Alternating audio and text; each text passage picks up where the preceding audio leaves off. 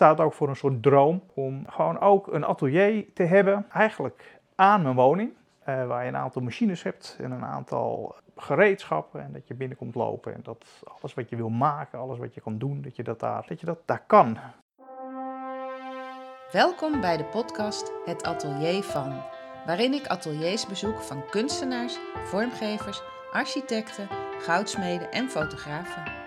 Of terugga naar het atelier van de herinnering. Mijn naam is Hester Wandel. Ik ben kunsthistorica en museologe. En ik ben geboren in een atelier. Ateliers zijn de rode draad in mijn leven, door mijn werk in musea, maar ook het kunstenaarschap van mijn moeder. Ga je mee naar het atelier van Piet van der Werf. Vandaag bezoek ik het atelier van architect Piet van der Werf in de Amsterdamse Rivierenbuurt. Piet ken ik via zijn dochter Oema, die bij mijn zoons op de naschoolse opvang zat. De leidster van de BSO had al eens gezegd dat de ouders van Oema, Piet en Marije, leuke mensen zijn met wie we het goed zouden kunnen vinden. En we bleken ook nog bij elkaar in de straat te wonen. We zeiden wel eens gedag bij het ophalen van de kinderen en ontmoetten elkaar op straat. En uiteindelijk spraken we elkaar een keer echt en gingen op straat borrelen. En toen bleek het inderdaad te klikken. Zelfde leeftijd, grote liefhebbers van reizen, andere culturen, tennis en vooral eten. We delen inmiddels ook een tuinhuis op een volkstuin, waar we een beetje schoffelen en braaf de tuinbeurt doen, maar vooral bezig zijn met de plannen om vis te roken of worst te maken. Daarover raken we nooit uitgepraat. Mijn man Govert komt uit de horeca en geeft nu kookles, dus hij weet altijd wel wat nieuws te vertellen. En Marije heeft honderden kookboeken, dus desnoods zoeken we het op. Maar over het werk hebben we het eigenlijk niet. Niet echt. Wel over wat er omheen gebeurt, zoals communicatie, ergernissen, zoomsessies, je weet het wel. Maar Piet is dus ook mooi architect en dat interesseert me zeer. Tijd om eens bij Piet op bezoek te gaan en het niet over eten, maar over gebouwen te hebben. Maar, zei hij vooraf, dan verzorg ik de lunch. Welkom in het atelier van Piet van der Werf. Zijn bedrijf heet Werfatelier. Atelier in de naam. Daarover wil ik meer horen. Ga je mee? Dan mag ik eindelijk het atelier bezoeken. Hé, hey, maar dit ken ik eigenlijk al. Want ik heb hier de bouw van gezien uh, afgelopen jaar. Piet heeft namelijk zelf helemaal de zolder uitgebouwd. Een dakterras gemaakt. Maar dus ook zijn eigen atelier. En dat is leuk. Ik zie mijn eigen vloer terug. Want uh, Piet is heel erg van het uh, hergebruik van materialen. En toen wij verhuisden hadden we een houten vloer. Die ook alweer tweedehands was. En die heeft Piet heel mooi verwerkt in zijn atelier. Het werfatelier. Hi Piet. Dag Hester. Leuk dat ik hier mag zijn. En um, zullen we maar meteen met die naam beginnen? Want dat er atelier in jouw uh, uh, naam zit, dat vind ik natuurlijk extra leuk. Ja, dat, uh, dat, dat, dat, staat ergens voor. En het staat vooral voor een, voor een emotie. vroeger heb ik bij Lisbeth van der Pol en Herman Seinstra. En die hadden samen hadden ze een atelier. En dat noemden zij Atelier Seinstra van der Pol. En daar heb ik jaren gewerkt, in het, uh, daar vlakbij het Antropodoc. En ik vond dat eigenlijk iets heel moois hebben. Gewoon dat het een, een soort vrijheid, een, een, een, ja, ergens waar je binnenkomt en waar je met plezier werkt. Zo'n zo'n zo'n fijne emotie geeft dat. Dus dat uh, vond ik heel prettig. En toen ik voor mezelf begon, toen dacht ik van ja, wat is er mooier om inderdaad ook die emotie in de naam te leggen. Dus ik heb dat uh, met mijn achternaam vermengd en heb dat werfatelier genoemd. Het staat ook voor een soort droom, of tenminste die droom die ik uh, 10, 12 jaar geleden had. Gewoon ook een atelier te hebben, eigenlijk aan mijn woning, waar je, uh, waar je een aantal machines hebt en een aantal gereedschappen en dat je binnenkomt lopen en dat alles wat je wil maken, alles wat je kan doen, dat je dat daar, dat je dat daar kan. Kantoortje, een ezel, lekker uh, schilderen, lekker vrij. Dat was een beetje het idee. En uh, ja, helemaal mooi natuurlijk als het nog aan een werf zou zijn ook. Dus aan het water. Ja, precies. Dus dan heb ik helemaal een, uh, dan is het cirkeltje rond, zeg. Maar dat betekent dat dit nog niet je ideale atelier is? Dat uh, klopt helemaal. Maar het is wel een fijn atelier. Zeker, zeker.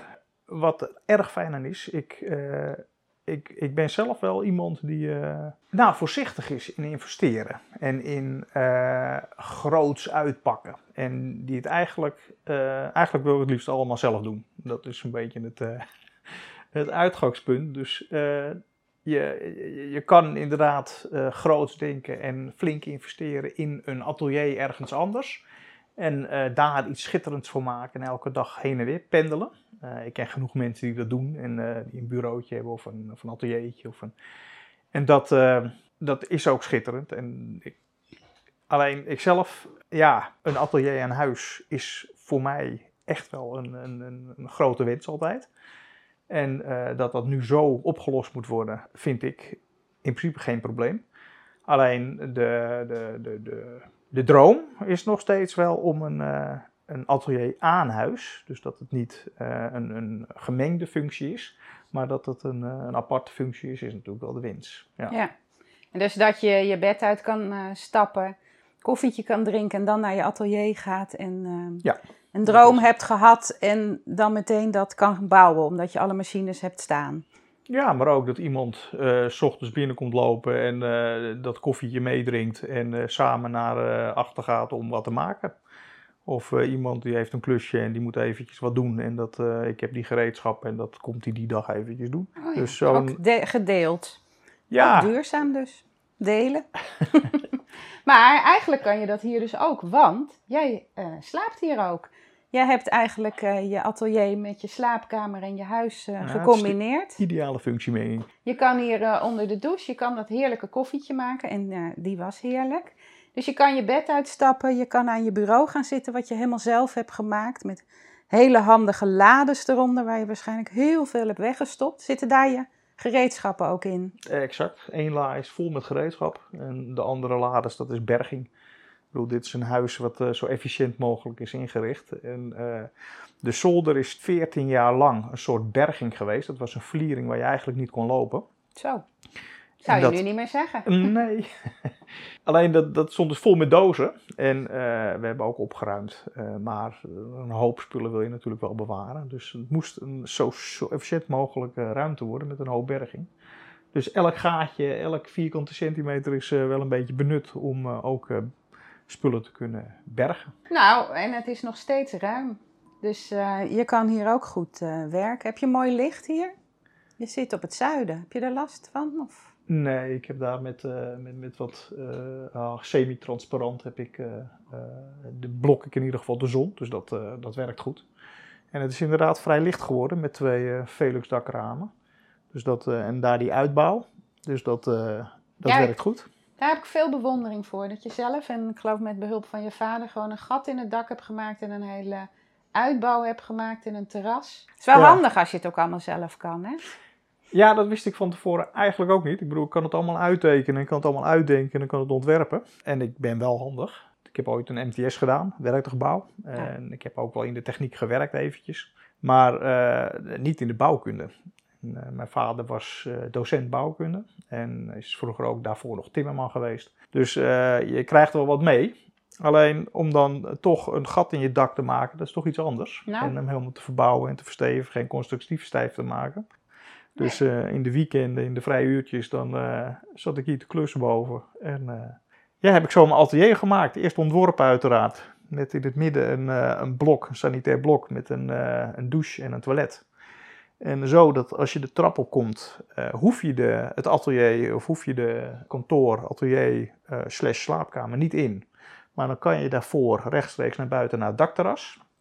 Dus het hoeft niet te storen. Maar uh, als je dat wel wenst, dan uh, pak je de andere richting en dan uh, kom je in het atelier. Zeg maar zo een beetje. En er staat, het is dus een heel groot bureau. Er staan drie hele grote schermen. Ik geloof dat eentje zelfs een tv is, maar dat is je computerscherm. en dat is een erfenisje inderdaad. Ja.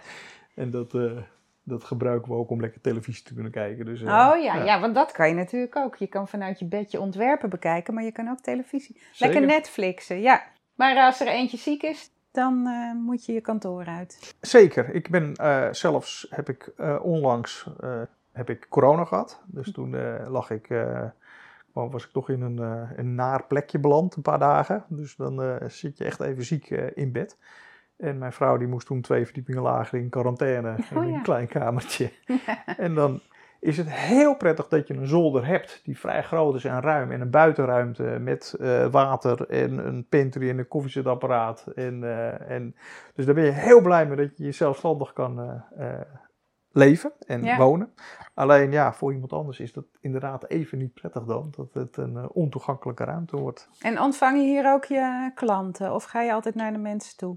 Nee, dat doe ik ergens anders. Ik heb samen een eh, bedrijf met, eh, met Floris van de Klei. En die komt hier wel, dus dat is geen probleem. Dan zitten we op het dakterras of dan zitten we hier binnen. Zijn echte klanten, of ik ga naar de klant toe of ik spreek ergens af. En dat, eh, die faciliteiten die zijn enorm tegenwoordig. Dus wat dat betreft is de wereld heel erg veranderd. Ja. En eh, is, dat, eh, is dat goed mogelijk. Dus dat is geen... Ik zie dat niet als een belemmering. Nog even terug naar eh, je opleiding. Je vertelde dat je MTS had gedaan. Hoe kwam je eigenlijk bij dat je architect wilde worden? Ja, dat is eigenlijk met, eh, met Robin van Niftrik begonnen. Ja, dat zoiets van, ja, het ontwerpvak, dat leek ons, maakt eigenlijk niet uit of het grafisch was of dat meubels waren, maar het, de, de vrijheid van het, van het ontwerpvak, dat stond ons altijd enorm aan. Maar ik had een test gehad, wat ze wisten bij god niet wat ze met me aan moesten. Ik, eh, ik deed van alles, ik was in van alles geïnteresseerd. Alleen, Enthousiast dus. Zeker. En daar kwamen eigenlijk twee dingen uit. Of ik moest een enorme kunstenaar worden, of een techneut. Hm. Eh, een ingenieur. In die, in, die, in die spanbreedte was het eigenlijk. En toen eh, ben ik de techniek ingegaan. En toen je hoorde van kunstenaar, had je zoiets van... Oh, dat zou ik wel willen, maar nog niet? Of dacht je van, nou, dat ben ik niet? Of... Nou, dat was nog een beetje ver van mijn bedshow. Eh, en kunstenaar heb ik nooit echt geambieerd. Het zelfstandig kunstenaarschap. Maar wel het, het meubeldesign en het, eh, het, het designwerk.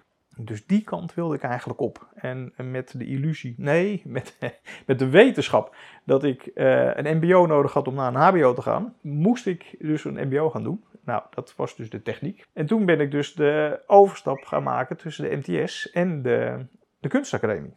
En eh, ben daar vier, nee vijf jaar heb ik daar gestudeerd. Ik heb daar- Architectuur. ja, meer kunnen Maar zeggen. architectuur, ehm, wat, wat leer je dan bouwen? Wat is dan de bedoeling? Want je moet toch ook constructies... eh, Ja, dit heette kleinschalige KLAINT. eh kleinschalige architectuur, interieurarchitectuur. En we kregen ook een deel stedenbouw. Nou, in het derde jaar heb ik een uitwisseling gedaan via Erasmus naar Stockholm. Ben daar een drie kwart jaar en later nog een paar maanden geweest. Ik Zat je daar op school? Kunstvak Hoogskolan. Oh, Dat, eh, ja. schitterend. Was de eh, les ook in het Zweeds? Ja, nou ja, eh, zussen, die, die lui die konden perfect Engels, dus die alles werd. En deed je daar een speciaal vak wat ze in Utrecht niet hadden? Ja, ik ben er eigenlijk heen gegaan omdat eh, het eh, meubelontwerp daar eh, hoog, hoog staat. Is, is, hebben altijd op een hoog niveau gestaan, dus dat leek me heel leuk. En Scandinavië als, als entiteit, het sociale, het, dat sprak me echt enorm aan. Dus dat, ik dacht wel van dat ik daar een plek zou vinden. En dat klopt ook wel. Het is net zoals ik vanuit de MTS naar de kunstacademie ging, als een soort warm bad. Dat je ineens denkt van, goh, oh, er zijn ook mensen zoals ik. Dat eh, had ik in Zweden ook. Dat Ja? kwam daar en het was ook wel echt perfect hoor. Want die Zweden waren veel verder dan wij. Daar eh, ging je de school binnen met een viercijferige code. En dat eh, kon dag en nacht. Had je daar ook een atelier waar je gewoon kon werken? Of, Ja, je kreeg een bureau en beneden had je werkplaatsen. Alleen je mocht nooit alleen in die werkplaats, moest altijd met z'n tweeën.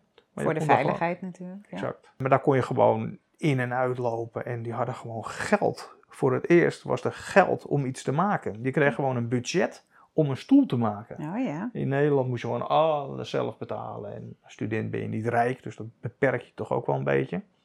En daar kreeg je gewoon alles vergoed. Ging je Eh, wel eens s'nachts de school in? Jawel, jawel. Je kon er ook slapen. Je had er ook banken. Dus Oh dat ja? was, eh, ja, ja, ja. Ja, en toen was je afgestudeerd. En noemde je jezelf toen architect? Nee, ik was interieurarchitect. Oh ja. Dus eh, ik ben toen gaan werken bij eh, kleine bureautjes ter Stal en Van Dijk. Alleen ja, daar zat je op een gegeven moment gordijnen uit te zoeken voor klanten. En toen dacht ik van ja, dit is het ook niet helemaal.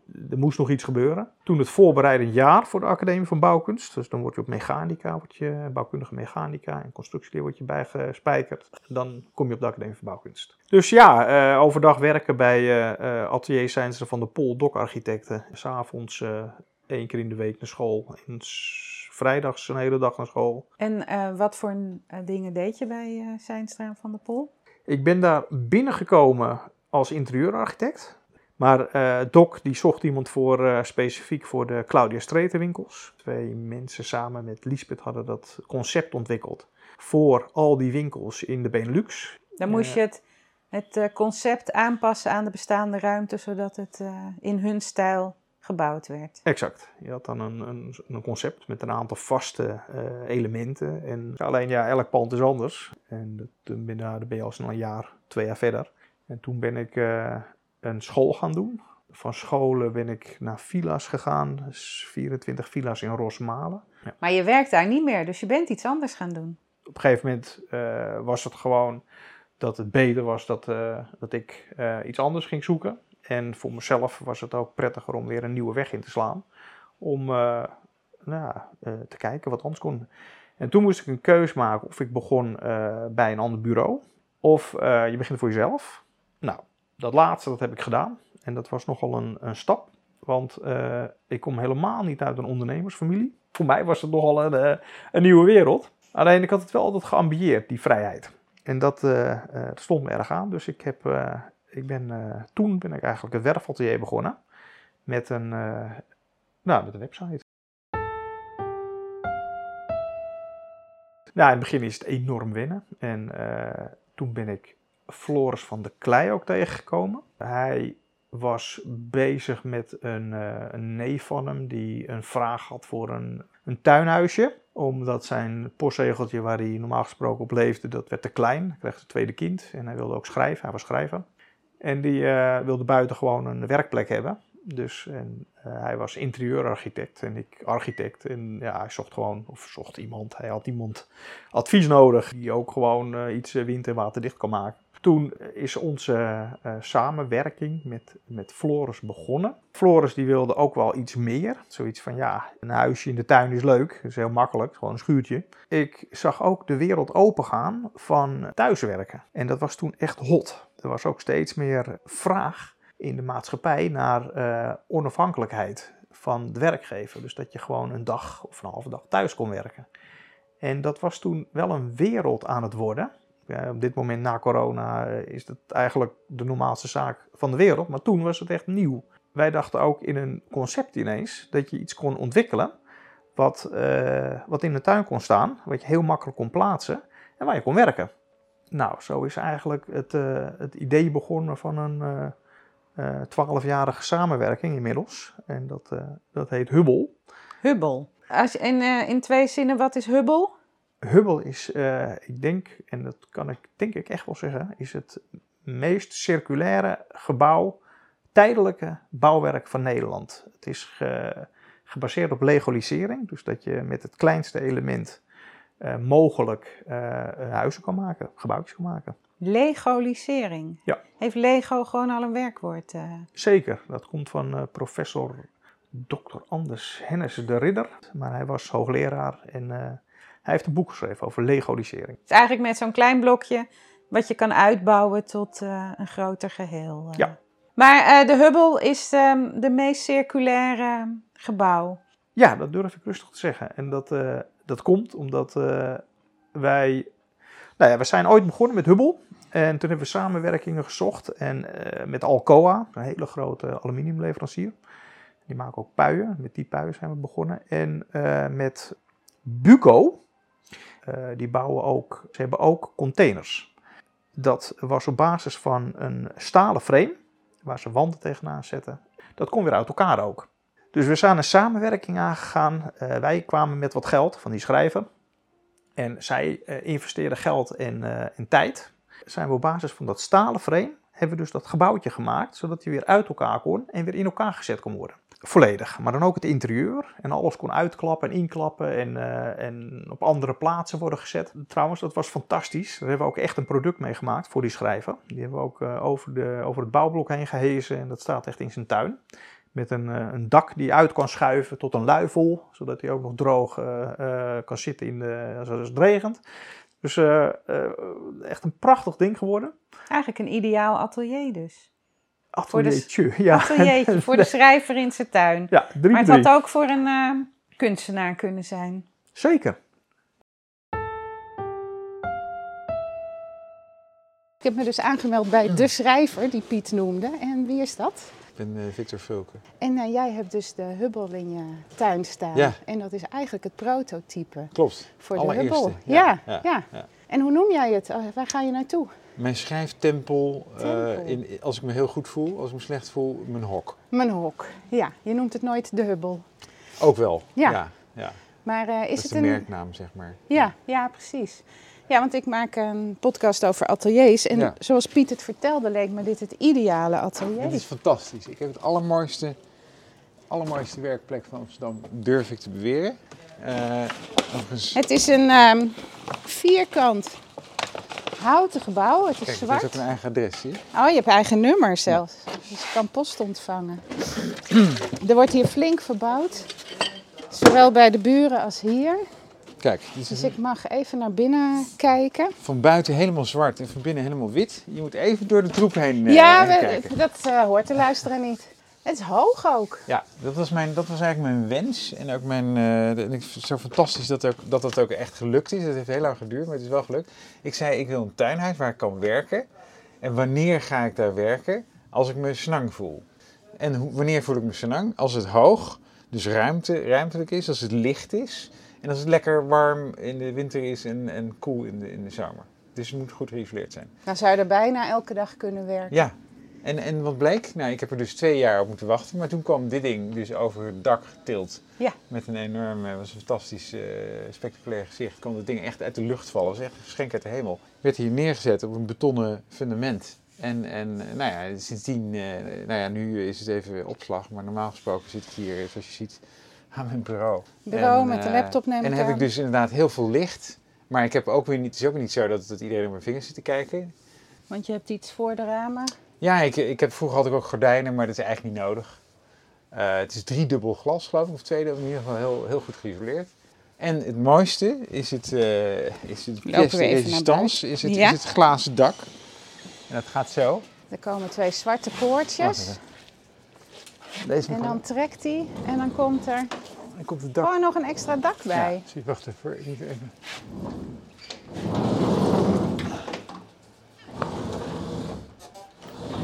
Ja, dit is heb je een soort veranda. Ja, is- ik heb het al in de hele winter natuurlijk niet meer gebruikt. Nee. Dus het is een beetje, kijk, dit is inderdaad, creëert hier een fantastische eh, eh, overkapping. Dit is composiet, hetzelfde materiaal waarmee het Stedelijk Museum eh, eh, is gebouwd. Ja, de badkuip. Dus het is vrij licht, maar heel sterk. En, eh, nou ja, en als je dus binnenkomt, dat, is, dat was het hele idee, Oh ja, ja. dan, dan werk je dus in daglicht. Wauw. En dat is zo fijn. Ja. Eh, Oh, kan je naar boven, naar de bomen ja. kijken. Als je het even niet meer weet, dan droom je eh, Ja. door En die filteren ook eh, het felle zonlicht. Ja.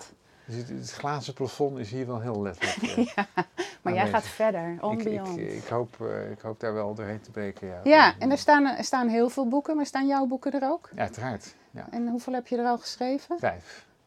Mooi. En ben je nu met, nou, nu ben je aan het klussen, maar eh, Nou, ik ben ook aan het schrijven. Ja, het klus is, is een klusplicht, noem ik dat. Ja.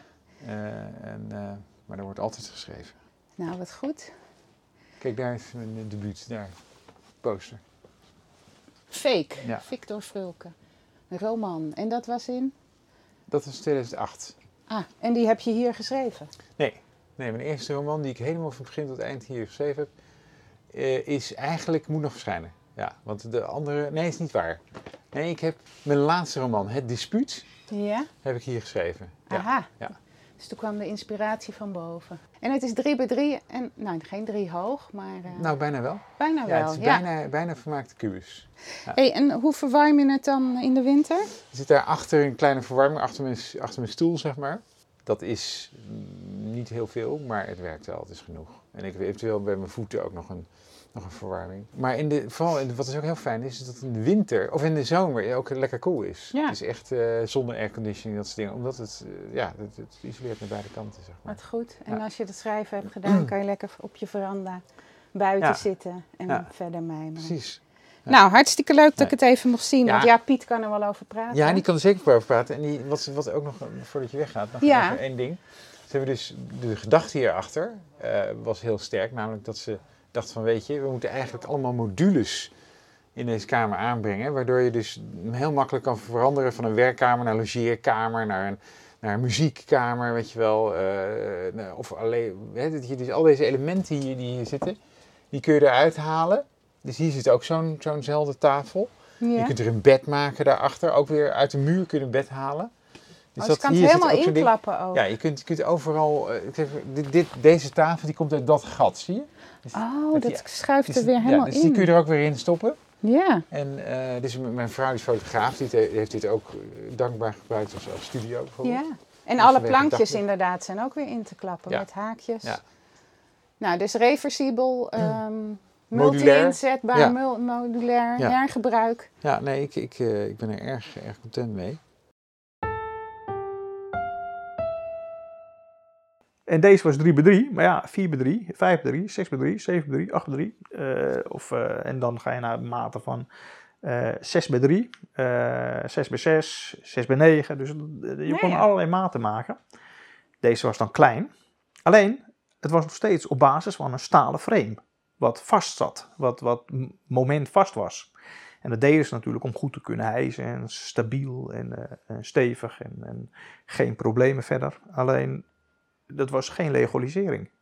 En eh, wij zijn toen nog, eh, nou, we hebben toen een een, een, een, eh, op de RAI hebben we gestaan met de bouwbeurs in 2010. Toen hebben we de Innovatie Award gewonnen. Nou, dat was nogal wat. Buco en wij hebben die samenwerking toen geëindigd. We zijn er samen heen gegaan met dat gebouwtje. Innovatie Award gewonnen. Fles champagne gedronken. En toen was het klaar, want we hebben wel gevraagd of zij nog verder wilden investeren en innoveren. Maar zij zagen toch meer een business-to-business model. En wij zagen ook een, eh, een particulier model, van business to, eh, naar, naar particulier toe. Eh, dus we hebben afscheid van elkaar genomen. Alleen, En al die tijd heette het al wel de Hubble. ja, zeker. En dat was ook echt jullie naam, dus dat hoefde je niet aan. Nee. Dat kon je gewoon gebruiken. En waar staat Hubble voor? Waar kom je aan die naam? Ja, dat is een ontwikkeling geweest van maanden. Zo van, ja, we moeten een naam hebben. En wat doe je dan? En eh, heel veel autoritjes gemaakt door heel Nederland. En, en er maar over blijven praten. En op een gegeven moment dan, dan ontstaat iets en dan zegt iemand wat. En oh ja, en dan dit en zo en zo. En, en Hubble, dat, dat, eh, dat heeft een hele vriendelijke klank. Eh, iets, iets... alsof- Teletubby-achtig. Exact. Zo'n zo'n zo'n een hub waar je in gaat zitten, iets warms. ja. Eh, maar je kon er ook een werkwoord van maken, hubbelen. Het had te maken met een hub, eh, of de Hubble-telescoop uiteraard. Het maakt niet meer uit waar je bent, dus eh, je kan overal zijn om te werken. En het is een, een, een hub, staat ook voor een, nou, in de ICT is het zo'n ding waar je allerlei draadjes in kan doen en allerlei apparaten verbinden. En zo kan je dus ook thuiswerken en met allerlei bedrijven in verbinding staan. Dus het was een, een samenkomst van allerlei dingen die ineens dachten van ja, Hubble. Dus eh, nou, en dat, eh, Logisch. ja, en dat klonk heel vriendelijk en dat vonden we allebei eh, heel nou, charmant en leuk en goed. Dus eh, dat hebben we gehouden. En met die innovatieprijs kreeg je geld om het nog verder te ontwikkelen. Nee, dat was echt een, eh, een prijs, Aanmoediging. een aanmoediging. En eh, eh, hier heb je een, een beker, een, een bokaal en, of een beeldje. Maar die heeft Buco op het kantoor staan hoor, dat Oh. hebben wij niet. Nee, zij hebben toen de RAI, dat kost vermogens om daar te staan en te exposeren. En dat, of tenminste, dat konden wij helemaal niet betalen. Dus wij waren een stel arme sloepers toen. We, we hebben dat ding samen met hun gebouwd. Ja. Maar ja, geen geld. Maar jullie mochten wel met het, konden wel gewoon vrij met het idee verder. Het is eh, jullie concept. Zij waren alleen de leveranciers van de materialen en het meedenken. Exact. En zij zagen het natuurlijk ook als een kans om met jonge ontwerpers, jonge, jonge architecten, iets te ontwikkelen. Waardoor zij ook verder kwamen in hun innovatiestroom. Kijken waar zij heen wilden. En Ah, zij ja. hebben dat later ook geprobeerd om andere modellen nog te maken, los van ons, eh, weten wij. Tuinkamers, buitenkeukens, ook, ook van dat soort eh, eh, kantoortjes. Dus ze hebben er zeker wat aan gehad, voornamelijk know-how. En dat hebben wij hun gegeven. Dus Ja. zo versterk je elkaar. Ja, en hoe gingen jullie toen verder? Want Nou. het bestaat nog steeds. Wij, ja, ja, het was eigenlijk een soort jongensdroom. Zo van je begint ergens en je, je, je gaat maar door en op een gegeven moment is, het blijft leuk. Op een gegeven moment denk je, van, nou zullen we stoppen? En dan krijg je ineens een innovatie award en dan word je helemaal plat gepubliceerd. En dan denk je van, nou ja, misschien zit er toch wat in, laten we toch maar verder gaan. Dan ga je verder en dan eh, kom je erachter dat, dat zo'n stijf frame dus niks is, maar dat je het allemaal uit losse elementen wil maken. Dus dat het echt elementenbouw wordt. Echt dus- als Lego. echt het Lego. Het is natuurlijk allemaal, en dat heeft Floris net zoals ik, ontstaan uit een duurzaamheidsideaal. Dat je, dat je gewoon niet iets weggooit. Dat je iets, iets maakt wat je gewoon kan blijven gebruiken. En uh, legalisering gaat daar natuurlijk ook over. Dat je, je gebruikt iets en je demonteert het weer en je kan het weer gebruiken. Door het weer te monteren in een ander iets. En uh, ja, zo maak je een bouwsysteem wat je keer op keer kan gebruiken en maar één keer een grondstof hoeft aan te, aan te boren. Dus dat uh, zit dan in de technische cyclus van de circulaire economie. Nou, dat is altijd ons uitgangspunt geweest. Dus met 10 dogma's zijn wij uh, op stap gegaan en hebben wij uh, dit product proberen te maken. En 10 dogma's, leg eens uit. Het moest in een tuin geplaatst kunnen worden, vergunningsvrij. Dus dan heb je te maken met maten en met uh, oppervlaktes en hoogtes. en ook vaak met uitstraling. Dat, het, dat de gemeente nog invloed kan hebben bijvoorbeeld op uitstraling van iets. Het moet zowel geprefabriceerd kunnen worden als opgebouwd kunnen worden in een tuin. Zodat je met alle elementen door een voordeur, door een achterdeur uh, in een tuin iets op kan bouwen. Het uh, mocht geen lijm, geen kit, geen verf, geen schroef, geen spijker, geen bitumen, geen stuk Zo. hebben. Nee, dat, dat Oh, gooi je namelijk allemaal weg. Niet schroeven ook, want ja, het is wel het kleinste niveau. Maar als je iets schroeft, maak je eigenlijk ook iets stuk. Ja, ja. Dus het is eigenlijk dat je Het alleen is maar eigenlijk een kliksysteem of zo. ja, monteren. Dus je eh, klikken, maar ook eh bouten. En bouten, die oh, kan je een gewoon bout en loshalen. een schroef. Ja, ik snap Ja. hem. Ja. En als je iets vastbouwt, die bout kan je loshalen. Ja. En dan kan je de onderdelen weer los van elkaar krijgen. En dan kan je die onderdelen weer gebruiken. Dus zo hebben wij een enorme tocht gemaakt langs, eh, langs heel veel bedrijven in Nederland. Om de, de juiste materialen en elementen te zoeken. Dus we moesten, we moesten overal moesten we lobbyen om maar. eh, het was toen wel, zat wel in de, in de eerste financiële crisis. Dus eh, al die bedrijven die, die, die zochten ook nieuwe wegen. En die, eh, dus, dus die wereld hadden we mee, gelukkig. ja, zij konden waarschijnlijk ook over hun materiaal nadenken hoe dat opnieuw op een goede manier gebruikt kon worden of in nieuwe toepassingen. Nou, duurzaamheid kwam toen ook op. Ja, Dat was toen steeds belangrijker, werd dat. En eh, wij zaten natuurlijk enorm in die hoek. Dus dat was ook echt een, eh, een, een, een nou ja, schermen met, met, met duurzaamheid. En dat vonden de meeste bedrijven ook leuk. Dus zo hebben we eigenlijk voor heel weinig geld hebben we die eerste prototype kunnen maken. En die hebben we daar in weer en wind, met storm en regen, hebben we die kunnen testen. het is Nou ja, eh, fijn. lekker puzzelen inderdaad, hè? Absoluut. Nee, het is een gigantische puzzel, maar eh, ontzettend leuk. Je straalt ook als je het, eh, als je het erover hebt. Nou, eh, het is gewoon de afgelopen tien jaar is gewoon heel leuk geweest. Het is een prachtig proces. Je, je hebt met iedereen te maken. Je krijgt met iedereen te spreken. Zowel moet je het financieel rondkrijgen als procesmatig, als logistiek, als, als ontwerptechnisch, als je moet bedrijven om je heen. Je moet heel veel praten. Je moet overal, eh, je moet, je moet met de mensen die het maken moet je praten, maar je moet ook de, de mensen die het financieren moet je praten. Je moet de mensen eh, die, die, die, die erin willen investeren, de opdrachtgevers. Dus je moet, je hebt De gebruikers. de gebruik, ja, je moet, oh, je hebt het hele scala. En eh, ja, dat is ondernemen. Ja. Dus dat is, dat is heel leuk. En anderen overtuigen van jouw idee. En, Ja. ehm, en ehm, nou las ik op de site dat het dus ook dat je het helemaal uit elkaar kan halen, Mhm. maar dat jullie het ook terugkopen. Dat als het eh, op is, nou, Ja. of als je er geen zin meer in hebt, hoe werkt dat? Ja. Nou, heel even terugkomend, want daar was ik nog niet... eh, Oh nee, ga door hoor. Nee, nee, je, je, hebt, je, hebt, de, de- je raakt het aan. Eh, die dogma's, Oh ja. Het was ook bijvoorbeeld dat het, het moest over de weg getransporteerd kunnen worden ook, als het geprefabriceerd had, maar dan niet met speciaal transport. Dus het moest onder brug door kunnen en het moest op een normale dieplader gezet kunnen worden. Nie- en het moest niet, niet te breed zijn dus. Geen konvooi exceptioneel. Exact. Eh, nou, dat was er eentje. Nou, het moest gehezen kunnen worden over een, eh, over een dak heen. Alles moest in functie kunnen veranderen, maar ook esthetisch kunnen veranderen. Dus zowel het exterieur als het interieur. Dus je moest, eh, want ja, architectuur blijft toch ook mode. Zoals een decor ook continu veranderbaar is, moest dus ook een hubbel veranderbaar zijn. Dus eh, ja, hoe doe je dat? Dus, Door eh, de gebruiker zelf? Of Ja. moet er dan wel iemand weer aan te pas komen om muren Nee. te verplaatsen? Het uitgangspunt is eigenlijk een, een model geweest wat de gebruiker zelf kan eh, aanpassen. Maar daarmee krijg je dus groengevels, zinkgevels, titaniumgevels, eh kopergevels, eh, houten gevels, eh, doek, schermen, eh, zonwering. eh, dus, dus alles moest mogelijk zijn in die esthetische gevel aan de buitenkant. Maar ook interieurtechnisch moest het een, een skihut kunnen worden, maar ook een eh, hoogwaardig kantoor. Dus eh, de, de, de, de, de, de pantries die wij erin konden zetten, die moesten ook niet op één plek gezet kunnen worden, maar die moesten overal kunnen worden geplaatst. Dus je had een heleboel, de dogma's zijn een heleboel eisen vooraf, waardoor het eh, multifunctioneel wordt, herbruikbaar en makkelijk te. Monteren en Monteren. demonteren. Ja. En dat moest opgeslagen kunnen worden. Bijna een tent eigenlijk, maar dan. eh, Maar dan eh, geklimatiseerd. Oh ja. Dus dat je er echt in kan wonen. Wordt er ook in gewoond? Of is ja, het? we hebben eh, een part, eh, hem achter in zijn tuin staan. En daar kan je inderdaad in wonen. Het is eigenlijk En de trouwens- voorloper van de tiny house. Of Ja. in de tiny house Eh, periode. wij zijn, nee, we zijn voordat de tiny house opkwam, zijn wij daar, eh, eh, Oh. waren we al mee bezig.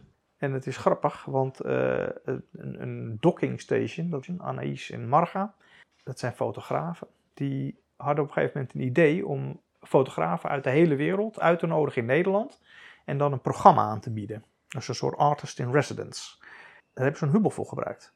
Leuk. Dus wij hebben één Hubble hebben we ingezet om eh, met een bed, daaronder een kantoortje, dus een eh, bureau en een, een tafeltje, een gelegenheid om wat te koken en een terras zat eraan. En die, eh, die hebben zij op verschillende plekken ingezet om die eh, fotografen daar te laten wonen. En wat dan wel weer grappig is, is dat eh, ze hadden uiteraard gekozen om de esthetische gevel aan de buitenkant op te bouwen uit doek. Dus aluminium frame met doek. En dan die doeken te printen, zodat er op elke gevel een afdruk was van de fotograaf. En dus die woonde eigenlijk in zijn eigen kunstwerk. Wat leuk. Ja. En hoeveel Hubbles heb je inmiddels gebouwd? Nou, ik denk dat dat nu een stuk of zes is. En die staan allemaal nog op dezelfde plek? Nee, dat is het leuke. We hebben dus eentje in eh, Hoofddorp, ons prototype. Die is gebruikt achteraf voor dat docking station. Die hebben we dus helemaal uit elkaar gehaald. En die hebben we, daar hebben we uit dat model hebben we veel geleerd. Dus toen hebben we ook wat eh, nieuwe eh, onderdelen weer laten maken. En die hebben we weer helemaal in elkaar gezet. Om weer te gebruiken als nieuw gebouwtje voor eh docking station. Ja. Dus zo konden we ook eindelijk een keer testen. Nou, om, om weer uit elkaar te halen en opnieuw te maken. Ons, ons idee eigenlijk testen. En dat werkt. Ja. Dus, dus voor de, eh, een werkend model. Nou weet ik dat je onlangs een hele grote hebt opgeleverd. In Zwolle. Vertel daar eens over. Ja, dat is natuurlijk nu ons paradepaardje. We hebben al eerder een eh Hubble gemaakt voor Qbus. Dat was een, is een busmaatschappij in Nederland. En toen was daar ineens ook een vraag voor een tijdelijke buschauffeursvoorziening eh, op Zwolle CS. Toen zei hij van, eh, nou, misschien moeten jullie eens aan eh, de jongens van Hubble denken. Want die kunnen wat en die is ook duurzaam. Dus dat was ook een eis. En die, die kunnen in esthetisch opzicht gewoon veel. En het, is, moest tijdelijk zijn. Dus nou, dan hebben we daar gepraat. En toen mochten we ineens een gebouw van 60 vierkante meter bouwen. Dus dat was eh Hoeveel Hubbles zijn dat dan? Aan elkaar? Het is natuurlijk één Hubble, Ja. maar het, ontstaat, het, zijn vier frames. Aan elkaar geschakeld. En dat is dan de, het eh, huisje waar de buschauffeurs even naar de wc kunnen, koffie drinken, wachten op de volgende shift. Exact. Dus die zitten in een Hubble. Wat Ja. leuk. En als kers hebben we daar eh, een bedrijf gevonden in Limburg die oude bussen sloopt. En hebben we een, een rijtje busstoelen uit de jaren 70 hebben we... Van die eh, rode. van die rode, die hebben we aan elkaar geschakeld. Daar hebben we een hele lange bank van gemaakt Oh, voor die buschauffeurs. Ja. Nou, hergebruik alom. Nou, dat is het wel een beetje. Want als je zo'n gebouw ziet als een Hubble, denk je echt niet in eerste instantie van... hé, hey, dit is een duurzaam gebouw. Terwijl eh, het eigenlijk een van de meest duurzame gebouwen is. En eh, door eh, dat soort recycle, wat maar een klein onderdeel van duurzaamheid natuurlijk is, als interieur te tonen, dan geef je toch aan dat, eh, dat het zo'n type soort gebouw is. Onze, onze pantries bestaan namelijk ook uit hout van meubelmakers dat ze over hebben, dat ze Hmm. nog hebben liggen. nou, die heeft vaak restpartijen of eh, hout liggen. En wij gaan dan langs en dan selecteren we hout. En dan praten we met deze man.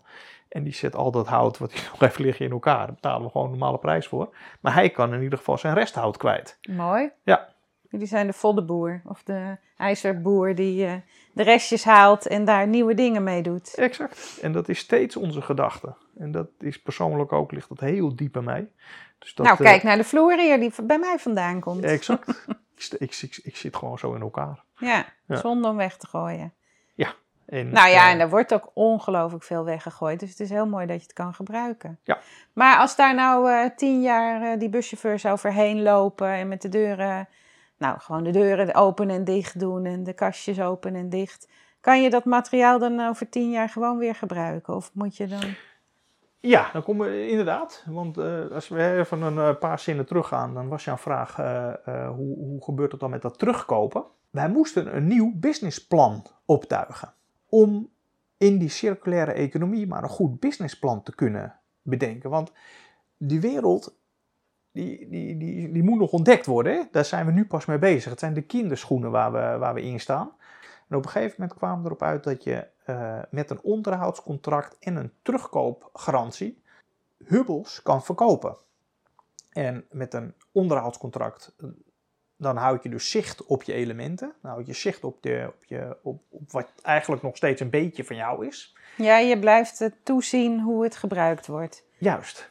En na drie, vijf of tien jaar, zo'n contractvorm, krijg je dus de elementen terug. Dan haal je het op. Dan moet je het eventueel refurbishen. Eh, en dan kan je het weer inzetten om opnieuw te verkopen. Voor de nieuwprijs. Omdat het gewoon nog heel goed is. Dus in eerste instantie kan je dan iets lager gaan zitten eh, in je prijs. Omdat je weet dat je het weer terugkrijgt. En na twee, drie rondes, om het gebruikt te hebben, dan ga je echt eh, wat winst maken. Dus het zijn ook hele lange trajecten eh, om voor een bedrijf om winst te maken. Ook dat is in businessplannen niet de, de, het uitgangspunt. Want elke aandeelhouder, elke investeerder, die wil binnen drie jaar zijn geld terugzien. Dan heb je zo'n break-even punt en dan, dan, dan moet het allemaal gaan rollen. En eh, die lange trajecten, ja, eh, die investeerders zijn er wel, maar die zijn heel, scha heel schaars. En daar, eh, moeilijk, moeilijk, moeilijk, moeilijk. Maar jij moet straks op je zeventigste dus nog voor het onderhoudscontract bij iemand langs om te kijken of het wel goed is. Of, Dat is inderdaad, je moet wel een heel solide bedrijf hebben. Ja. Die, die wel blijft bestaan. Want inderdaad, ook dat, het zijn, er zitten gevaren aan. Want ook wij kunnen failliet gaan. En ook wij kunnen denken van nou, het is nu wel klaar. En als ik dit zo hoor, denk ik ook aan uh, kangeroewoningen van mensen die hun uh, ouders in de achtertuin nemen voor de Ja. laatste jaren van hun leven. Dat zou eigenlijk heel mooi. Uh... Ja, kangeroewoningen, maar ook. Dus heb je die al? Is daar al ja, precies. Dat, ja. dat je, want dat is natuurlijk ook niet voor eeuwig. Dat je tijdelijk voor je ouders of één ouder Nee, zorgt. we hebben ze zelfs uitgetekend voor een woningcoöperatie in Groningen. Nee, we hebben, we hebben heel veel functies al bedacht en bewandeld voor de Hubbel. Maar mocht iemand je inderdaad weer tegenkomen, of via je site of via een artikel, dan kan je het zo inzetten. Ja. Als er een uh, kunstenaar is die een atelier wil. Ja, alleen ze moeten wel weten dat het gewoon echt heel duur is. Voor particulier is het eigenlijk te duur. Dus wij werken business to business. Want die kunnen ook veel langere trajecten uh, uh, garanderen. Ik wil er wel een, maar ik heb geen geld. oh, en zo'n grote tuin heb ik ook niet. Maar uh, nee, mooi idee. En uh, helemaal van nu en ja. voor de toekomst. Dus, uh, en dat doe jij dus allemaal hier in jouw atelier. En, en, bij Floris op zijn studio was oh, dat. Ja. En ja, dat... ja, want dat doen jullie wel echt samen. Ja. Nou, mooi. Ik En- hoop dat er veel hubbels komen, want het klinkt echt goed. Ja, dat, dat hoop ik ook. Hoort en zegt het voort. Nou, dankjewel voor het interview. Leuk dat ik hier op een andere manier mocht zijn dan eh, ik gewend ben. En eh zullen we het nu weer over eten hebben? Altijd, Esther. Heel goed. Ik ben vandaag in eh, Zwolle. Ja, en dan moet ik natuurlijk wel even naar de Hubbel toe. Dus ik heb ingecheckt. Ik ben door het station gegaan en aan de achterkant van het station staat hij, de Hubbel. En eh, het is mooi weer. Ik zie 1, 2, 3, 4, 5, 6, 7 units, zeg maar, die aan elkaar geschakeld zijn. En uh, er zit uh, folie op de ramen, dus je kan de buschauffeurs wel zien zitten, maar niet hun hoofden. Dus ze zitten best wel een beetje privé. Aan de zijkant is het uh, al een beetje begroeid met klimop. En nou, links toiletten, dan de pantry en dan een ruimte waar ze nou, nu op anderhalve meter van elkaar kunnen zitten, even rusten. Iemand drinkt een kopje koffie, kijkt op zijn mobiel. Op de achtergrond zie ik wat foto's van bussen en treinen. Even kijken, wat zit er op het dak? Denk uh, iets van mos, of hoe heet dat? Uh, sedum. Oh, en ik zie ook het tekentje van de Hubble. Die zou ik nog eens even gaan fotograferen. Maar ik voel me wel een beetje een gluurder, omdat die mannen daar dus zitten. Dus ik loop denk ik even naar de andere kant om dat te doen. Nou, goed om het eens uh, gezien te hebben. En dat is dus straks helemaal weer demonteerbaar. Mooi systeem. Dat was weer een fijn bezoek in het atelier. Krijg je er ook zo'n zin van om zelf aan het werk te gaan? Of ben je nieuwsgierig naar hoe het er bij een ander uitziet? Luister dan naar de volgende podcast, waarin ik weer bij een heel andere kunstenaar op bezoek ga. Denk je nu, kom ook eens bij mij langs? Of je moet toch eens echt bij die en die gaan kijken? Laat het me dan weten in de comment van deze podcast. Of via de mail hetateliervan.gmail.com Of volg me op Instagram via hetateliervan. En vergeet je niet te abonneren op deze podcast, dan mis je nooit meer een uitzending. Tot de volgende keer.